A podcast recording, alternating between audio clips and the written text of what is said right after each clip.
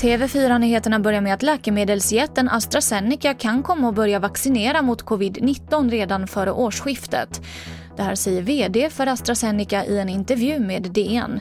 Men han säger att först av allt så måste man fastslå att vaccinet verkligen fungerar.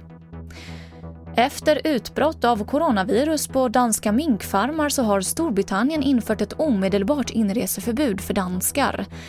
De som inte är brittiska medborgare och som varit i eller rest genom Danmark de senaste 14 dagarna kommer också att nekas inträde medan britter som varit i Danmark ska själv isolera sig i 14 dagar.